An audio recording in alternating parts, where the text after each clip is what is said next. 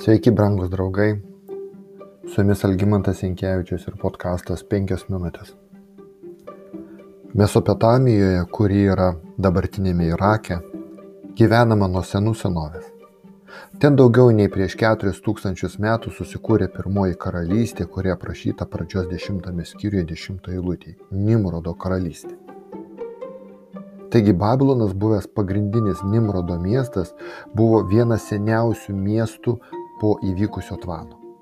Valdant galing, galingiausiam Chaldėjų karalystės karaliui Nebukadnecarui, ši žemė jau priklausė Šumerams, ten jie gyveno Akadams, Elamitams, Amoritams, Huritams ir kitoms tautoms. Naturalu, kad Nebukadnecaras apmastydamas apie Babilono praeitį, galvojo ir apie savo ateitį ir šalies ateitį. Kas jo laukia imperijos jo tolimesnio valdymo metu, ar net po jo valdymo Ar ji bus dar šlovingesnė, o gal ji sumažės kaip ir visos ankstesnės karalystės iki tol buvusios? Jo galvoje kilo daugybė klausimų.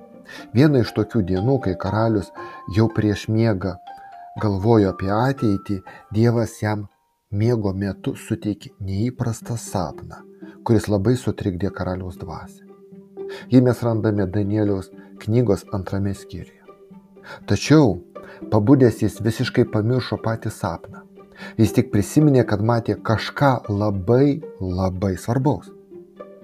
Užmarštis buvo dieviškojo plano dalis, nes Dievas norėjo ne tik parodyti ateitį pagonių karaliui, bet ir pasirūpinti tinkamu ir teisingu sapno aiškinimu. Jei karalius pasakotų savo sapną savo būrėjams, aiškiaregiams jie suprastų, ką pasakyti karaliui ir kaip interpretuoti sapną iš savo perspektyvos. Tuo pačiu atindami karaliui galimybę sužinoti tikrąją sapno reikšmę ir tiesą. Nebokadnecaras kreipėsi į savo barėjus ir išminčius su neįprastu prašymu. Pasakykite man, ką sapnavau, o tada paaiškinkite sapną. Natūralu, kad niekas nieko negalėjo pasakyti. Ir Danieliaus antras skyrius sako, dėl to karalius tiek įtūžo, kad įsakė žudyti visus Babilono išminčius. Šis įsakymas galiojo ir Danieliui, ir jo draugams. Kai Danielius sužinojo, kodėl karaliui kilo toks, tokia mintis, tokiam baisiam įsakymui, jis pats išdryso eiti pas karalių ir nuėjęs maldavo duoti jam šiek tiek laiko atskleisti šią paslaptį. Ir toliau Danieliaus antrame skyriuje nuo 17 eilutėje mes randame tokį tekstą. Tuomet Danielis parėjo namo, paaiškino dalyką savo draugams Hananijui, Mišaeliui ir Azarijui. Ir įsakė jiems maldauti dangaus Dievo pasigailėjimą, kad dėl šios paslapties nežūtų Danielius ir jo draugai, draugė su kitais Babilono išminčiais. Paslaptis buvo priekšta Danieliui nakties regėjimą ir Danielius šlovino dangaus Dievą. Danielius sapnavo tą patį sapną kaip Nebukadnecaras, o ryte jis skubėjo pas karalių ir priminė jam jos, savo jo sapną. Tu, o karaliau, matė regėjime. Štai prieš akis didelė statula. Ši statula buvo milžiniška, nepaprastos spindesio. Jis stovėjo prieš tave ir jos išvaizda kėlė baimę.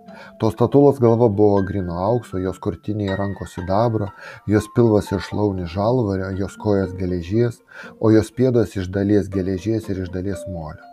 Tau bežiūrint buvo atkirstas nuo kalno akmuo, ne žmogaus rankomis, jis trenkė į statulos geležinės ir molinės pėdas ir jas sutalpino į šipulius.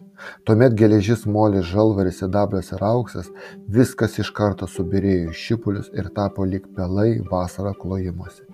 Vėjas juos nupūtė, nepalikdamas nie pėdsakų, bet akmuo trenkėsi statulą virto dideliu kalnu ir pripildė visą žemę. Šitą tekstą mes randame Danieliaus antrame skyriuje nuo 301 iki 305 eilutės. Nuostabi istorija, nuostabus regėjimas. Karalius galėjo išgirdęs pasakyti, tikrai tai tas sapnas. Prisiminiau viską dabar. Nelaukdamas, kol karalius pasikvies kitus išminčius aiškintis, Danielius paaiškino sapną. Jis gana autoritetingai pareiškė, karalystė keis karalystę kol. Anų karalių dienomis dangaus dievas įkurs karalystę, kuri niekada nebus sunaikinta. Ši karalystė nebus perduota kitai tautai. Jis sutripins iš šipulius visas anas karalystės ir padarys jums galą, o pati tversam žinai. Auksinė galva nuspėjimai reiškia Babiloną. Sibdabrinė dalis - Medo Persijos karalystė. Varinės šlaunės ir pilvas - didžiulė Aleksandro didžiojo ir vėlesnių helenistinių valstybių imperija. Geležis reiškia Romą, o iš dalies geležinės ir iš dalies molinės kojos šalis, susiformavusias ant Romos imperijos fragmentų, kurios vienokiu ar kitokiu pavydalu egzistuoja ir šiandieną. Ir tai mums patvirtina, mums patvirtina istorija. Pagrindinė šio sapno žinia buvo ta, kad neišvengiamai, laikui bėgant, visas pasaulio karalystės pakeis neįprasta karalystė - dangaus Dievo karalystė. Nebukadnecaras gavo dieviškai paaiškinimą prieš 2600 metų apie antrąjį Jėzaus Kristaus ateimą. Šiandien iš praėjusių šimtmečių perspektyvos galime pamatyti, kaip išsipildė daugumą istorinių įvykių atspindėtų Nebukadnecaro sapne. Liko tik vienas dalykas. Šlovingas mūsų viešpaties Jėzaus Kristaus antras ateimas. Karaliaus pasirodymas, kurio karalystė bus amžina, kaip pati amžinybė. Su jumis buvo penkios minutės ir Algymantas Jankievičius.